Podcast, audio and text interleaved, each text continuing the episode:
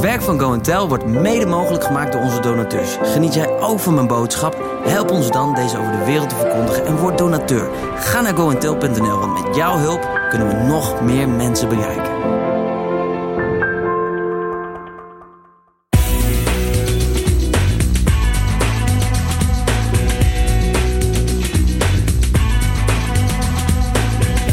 Fijn dat je er bent. Genade ontslaat je niet van je verantwoordelijkheid. Het stimuleert je om keuzes te maken die goed voor je zijn. Dit is één van de uitspraken uit het gesprek dat Joyce en David voerden met Marcel en Cody Gazenbeek. Luister naar deel 1 van Is genade een vrijbrief? Super dat je erbij bent, dat je kijkt en dat je luistert. Ik zit hier gezellig naast Joyce, mijn uh, lieve vrouw. En we hebben een fantastisch leuke dag. Want onze vrienden zijn hier, Marcel en Cody Gazenbeek. Uh, oprichters van uh, Jonge Vrij en inmiddels Redemption Church. We hebben een hele leuke dag en praten over hele mooie dingen. En waar we nu met elkaar over gaan praten is ook echt een heel interessant onderwerp. Ik denk zeker uh, voor de mensen die kijken en luisteren. Is als je genade verkeerd begrijpt, dan kun je het zien als een soort vrijbrief om te zondigen. Dat is ook bijna de meest gehoorde reactie als mensen horen van ja, als ik dan echt vergeven ben, gisteren, vandaag en alvast in de toekomst, wat maakt het dan nog uit wat ik doe? Uh, alleen genade ontslaat je niet van je verantwoordelijkheid. Sterker nog, het stimuleert je juist om de juiste dingen te kiezen. En die reactie die mensen soms geven, kan soms bijna lijken alsof ze een soort diepe wens hebben om te zondigen. En dat zo onderdrukken, zo bezig zijn om het allemaal goed te doen. Dat als iemand zou zeggen, ja maar het maakt niet uit. Ja, kan ik dan maar doen en laten wat ik wil. Uh, en dat jij eigenlijk zegt, ja, hallo, ik ben daar geweest. Want zo was mijn leven. Uh, ik, had, ik dacht dat ik alles had, maar het was een lege huls. Um, ik denk dat jij ons daar heel goed in mee kan nemen. Van, ja, wat ogenschijnlijk misschien zo interessant is om te doen, maar eigenlijk gewoon van de binnenkant uh, leeg is.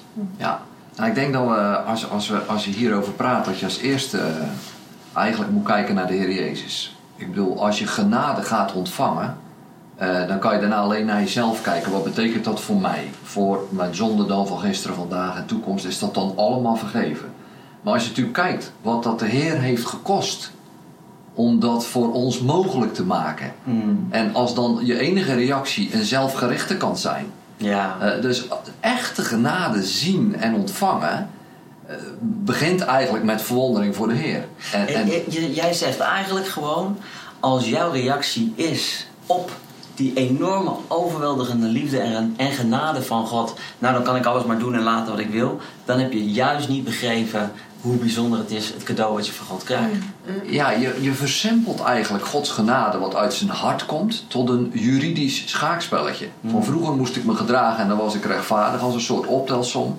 En die optelsom hoeft nu niet meer, want nu krijg ik de uitkomst in één keer zonder moeite. En, maar dan, dan, dan maak je eigenlijk Gods boodschap een juridische boodschap. Ja, en Trans er... een, een, transactie, hè? Zo ja, van, uh... en, en die, die kant die is er als je praat over rechtvaardigheid, over gerechtigheid, dat zijn juridische termen. Mm, ja. Maar Gods juridische termen beginnen natuurlijk niet, niet vanuit een juridisch hart. Nee. God had een hart van liefde.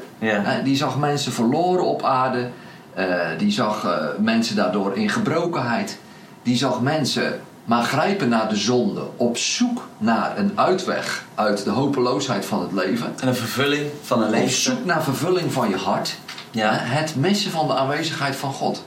En toen heeft God gezegd, uit, uit zijn genade, ondanks dat ieder mens in principe uh, op, op, op enig moment tegen hem kiest zelf, zegt God, ja, maar dat laat ik niet bepalend zijn, want ik zie jullie gebrokenheid en nu ga ik mijn zoon geven. En om in relatie met jullie te komen, ga ik genadig zijn. Want Ja. als het van jullie af moet hangen om het naar mij goed te maken, ja, dan zijn we maar eeuwig aan het wachten. Het gaat niet goed komen. Laten we door genade dat probleem oplossen. Dat wij weer in relatie kunnen leven. Ja. En dat kan door mijn genade. Ja, als, als je natuurlijk dat hart van liefde, als je dat daar niet achter ziet, dan snap je eigenlijk niet waar komt die genade vandaan. En ook wat heeft die genade gekost. Ja, ja dat vind ik En- heel en- mooi.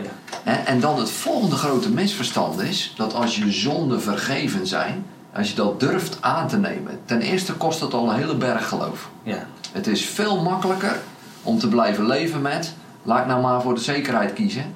En ik geloof dan dat mijn zonden van het verleden eh, vergeven zijn. Maar vandaag blijf ik mijn best doen. En de zonden van de toekomst. hmm.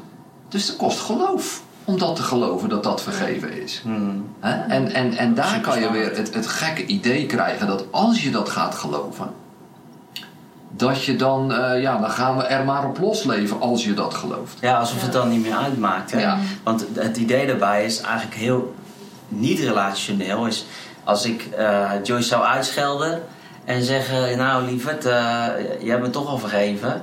Eh dus wij ik zijn ga toch geen getrouwd. sorry zeggen. Wij zijn wel, getrouwd, dus maakt niet ja, weet je wel, Ja. eh, Ik heb al. het maar. Nu- Maar daar heb je het niet over. Nee. Het, het is een soort eh, bewustwording van wat God al heeft betaald. Ja. En waar we eigenlijk soms nog om smeken. Van wilt u alstublieft, alsof die transactie nog moet komen. Ja, en, en, en God is niet transactioneel.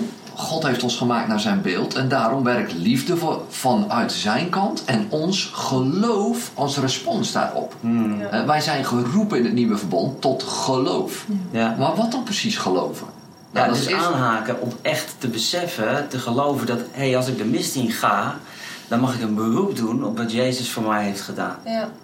In geloof. Precies. En wat doet dat nou met jou? Dat, dat, dat, wij, denken, wij blijven volgens dat transactionele menselijke denken denken... ja, maar als je zo gaat denken, dan is dat het gevolg. Nee, doordat je respons in geloof is, gebeurt er iets met jouw bewustzijn. En we zijn ons nu allemaal bewust van zonde. En we zondigen allemaal. Ja, iedereen die zegt je, je moet het niet doen, die doet het ook. De Dat is zijn allemaal. Ja, en Je kan het ja. niet niet doen. En- nee, ja, nee, ik zeg wel eens tegen mensen, dat klinkt heel stom, maar van als je in zonde geboren bent, wat kun je er aan, aan doen dat je af en toe zondigt? Ja. Nee, dus da- daar is God niet verbaasd over. Nee, dat wist hij allemaal, dat wist hij allemaal. En nu is een oplossing om ons iets aan te reiken wat iets in ons bewustzijn verandert. Het grappige is, wij leven veel meer bij ons bewustzijn dan we doorhebben. Maar God weet dat. God is Ja. wijs. Die weet Ja. hoe we in elkaar zitten. En die zegt, zolang jullie een zondebewustzijn hebben, zul je zondigen. Halen we nou zonde van je bewustzijn, drie keer rijden wat er dan gebeurt. Ja, Dan ga je gradueel, met dat dat zondebesef minder en minder wordt, ga je minder zondigen. Ga je- Omdat ja. ons bewustzijn bij wijze van spreken als de brandstoftank werkt richting ons gedrag. Het is een soort van eh, cyclus, want ik herken dat ook bij mezelf. Als je dan een fout maakt, je schaamt je ervoor en juist daardoor ga je je terugtrekken je- en baal je. En ben je eerder geneigd om nog een keer te zondigen, want je zit dan in een soort van negatieve spiraal naar beneden. Terwijl op het moment dat je je bewust bent van hé, hey, ondanks dat ik eh, dit verkeerd heb gedaan, wauw, weet je, God staat aan mijn kant. En ik mag gewoon in geloof weten dat wat Jezus deed voor mij, mij nu daarvan vrijzet. En ik kan dus die, die- dat hele schuldpatroon gewoon afsluiten en in zijn licht zijn. En dan krijg je een ander bewust, bewustzijn. Dat is het. Dat je denkt van hé, hey, ik ben niet meer gericht op wat allemaal misgaat, maar ik ben eigenlijk gericht op de dankbaarheid. Dat ik denk van ik mag, eh, vergeleken bij alle mensen in de wereld, dit eerder loslaten. Omdat ik, I, I- I have a redeemer, weet je wel. en, en hij deed dat voor mij. Dat, Ja. Is dat de, de transitie waar je, waar je het over hebt? Precies daar. Kijk, en onze vertalingen zeggen regelmatig geweten. En ons menselijk denken zegt, ja, maar als je dat geweten maar vrij spreekt, dan. eh, nee, het is juist als je dat geweten houdt en oeh, jij zit fout. En wat ga je dan als mens doen als je, dat, als je dat bewustzijn hebt van, maar dit is fout en dit hoort eigenlijk niet. En dan ga je op eigen kracht proberen het niet meer te doen. Nou, jij zegt al, man, dan vind ik mezelf terug dat ik het juist weer doe. Ja, en Nou, dat is eigenlijk ook wat Paulus zegt. Hè? Ja. Ik doe niet wat ik wil, maar steeds wat ik niet wil eh, is wat ik doe. Dat is natuurlijk een heel interessant stukje in de Bijbel waarvan iedereen denkt: waar heeft hij het precies over?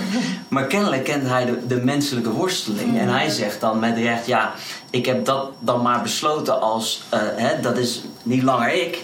Maar ik richt me op Christus Ja, eh, in mij, want Hij is mijn verlosser van die worsteling. als we echt eerlijk worden, dan kan ik zelf zeggen: joh, ik, ik, ik doe dat gewoon niet meer. Ik ga bij zelfdiscipline, ga ik dat en dat mezelf ontzeggen. Ik ga dat gewoon niet meer doen. Maar dan vind ik mezelf grumpy terug en dan scheld ik tegen iemand anders, alsof dat geen zonde is. Ja, ja. Dus zelfs als je één bepaalde zonde uit alle macht bij je ziel, zo noemt de Bijbel dat. Hè? De- de- ik weet het woord niet eens in het Nederlands, maar dat, had- dat zei Paulus ook over de Israëlieten. I- They have a zeal for God, Ja. but without knowledge. En dan bedoelt hij godly knowledge. Hij zegt, ze hebben een passie voor God, maar zonder goddelijk begrip.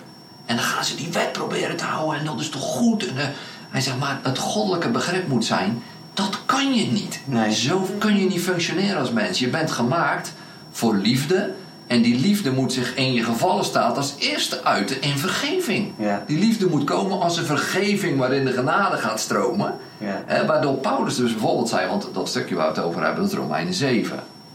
Zegt hij, man, ik ben, wat ben ik toch hopeloos. Ja, ik weet precies wat hoort. En ik wil het ook niet. Als, ik, als je tegen mij zegt, je hoort niet de, de, iets van je naaste te begeren. Je hoort geen... eh, en dan zeg ik met heel mijn verstand, amen. En ik wil het ook niet. Hij zegt, en dan vind ik mezelf terug in de realiteit van het leven. En- Daar. En het gebeurt gewoon. Ja. En dan zegt hij, but thank Ja. God for Jesus Christ. En dan gaat hij naar hoofdstuk 8.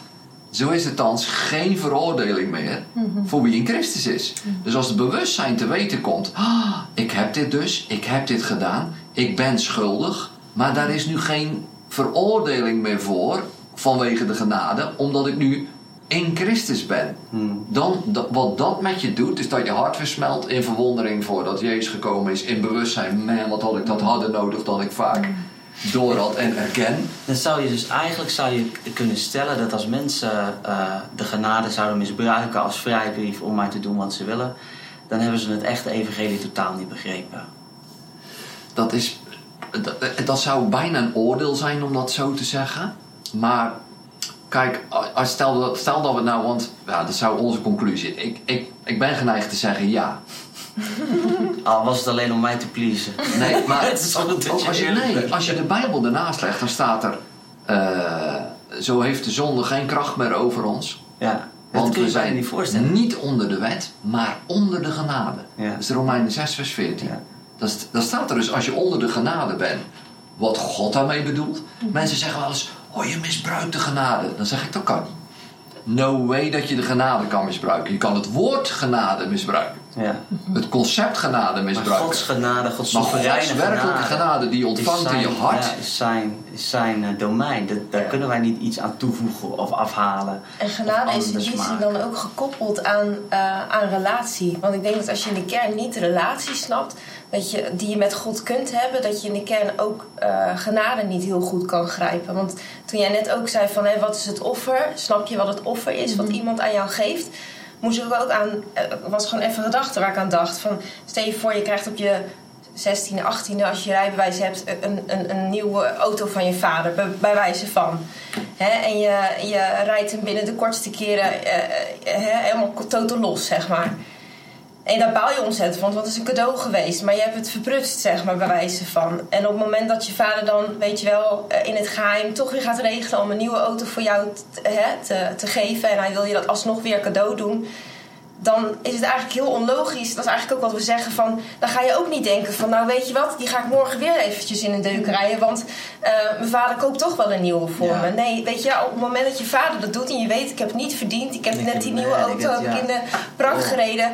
Weet je hoe dankbaar je bent? Het zegt iets over de relatie, hoeveel je vader om je geeft. En als je dat echt va- vat, zeg maar, die liefde, die onvoorwaardelijke super, liefde. Super zuinig eigenlijk. Ja, dan denk je van, weet je, ik ga, tenminste, dat heb ik zeker als ik bijvoorbeeld iets kapot, kapot van jou maak of zo. Oh ja? En, eh, ja, of Stuk iets, kleding of ja, of iets wat ik, wat ik kwijtraak. Bijvoorbeeld Mm. ben ik een keer hele mooie oorbellen kwijtgeraakt. En dan krijg ik nieuwe van hem bijvoorbeeld. En nou, dat is best wel iets kostbaars.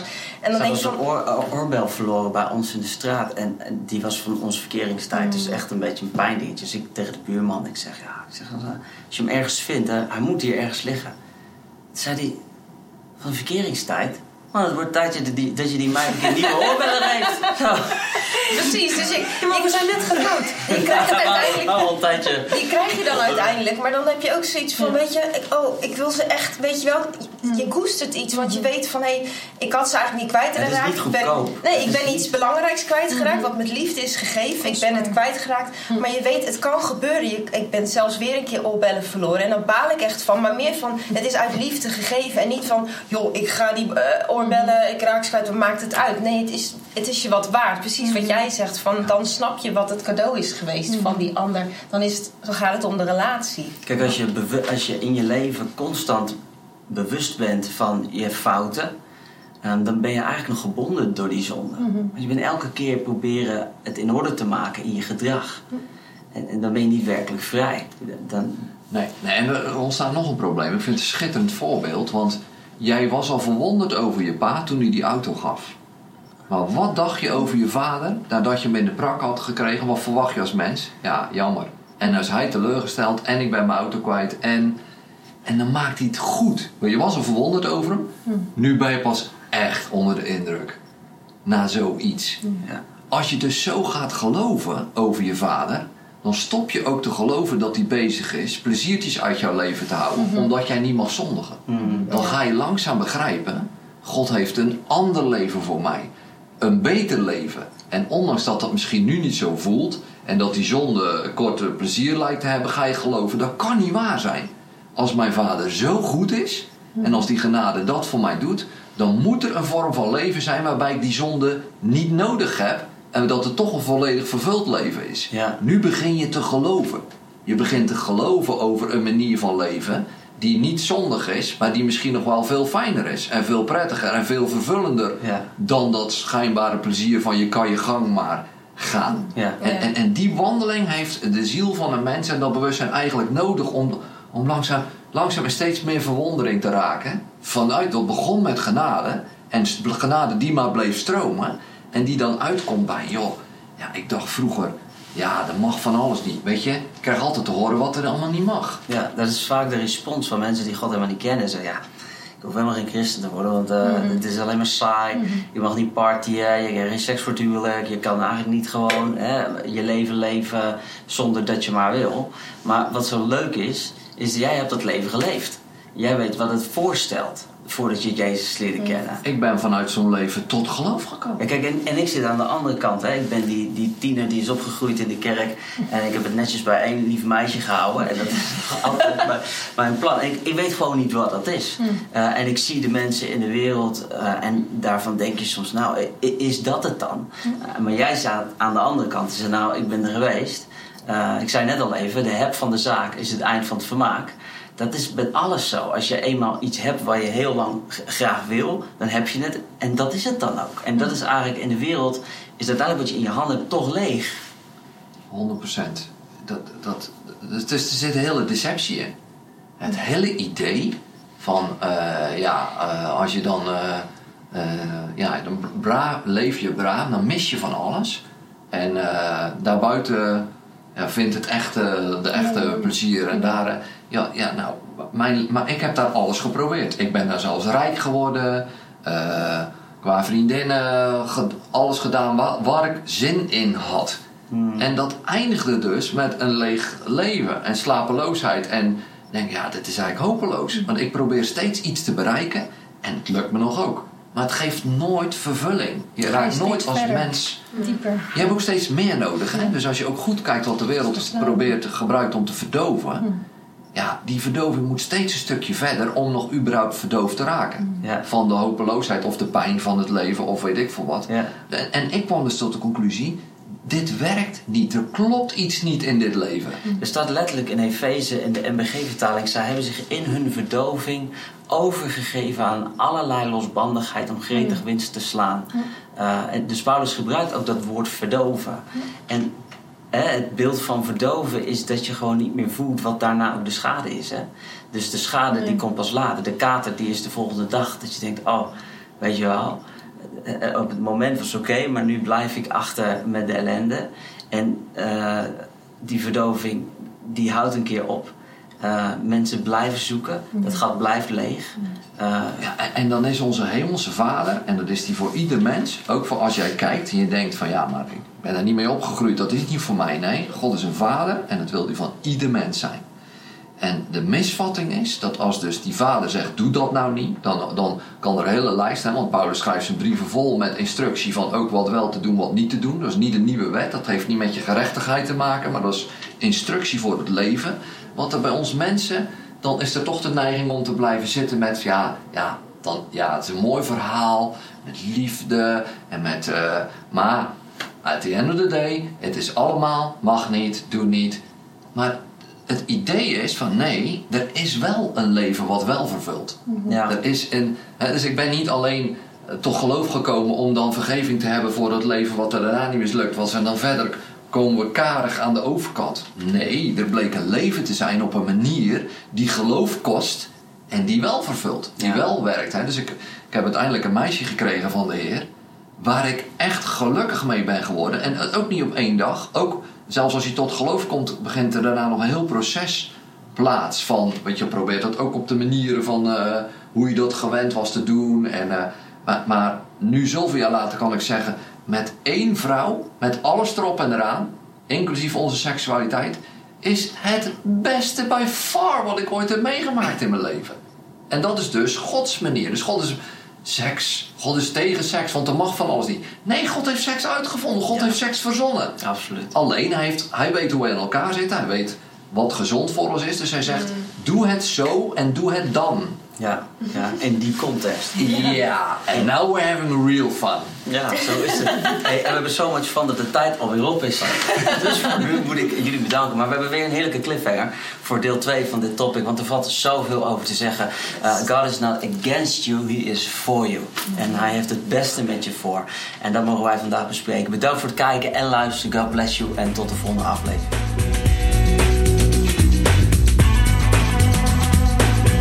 We hopen dat je hebt genoten en zien altijd uit naar je reactie.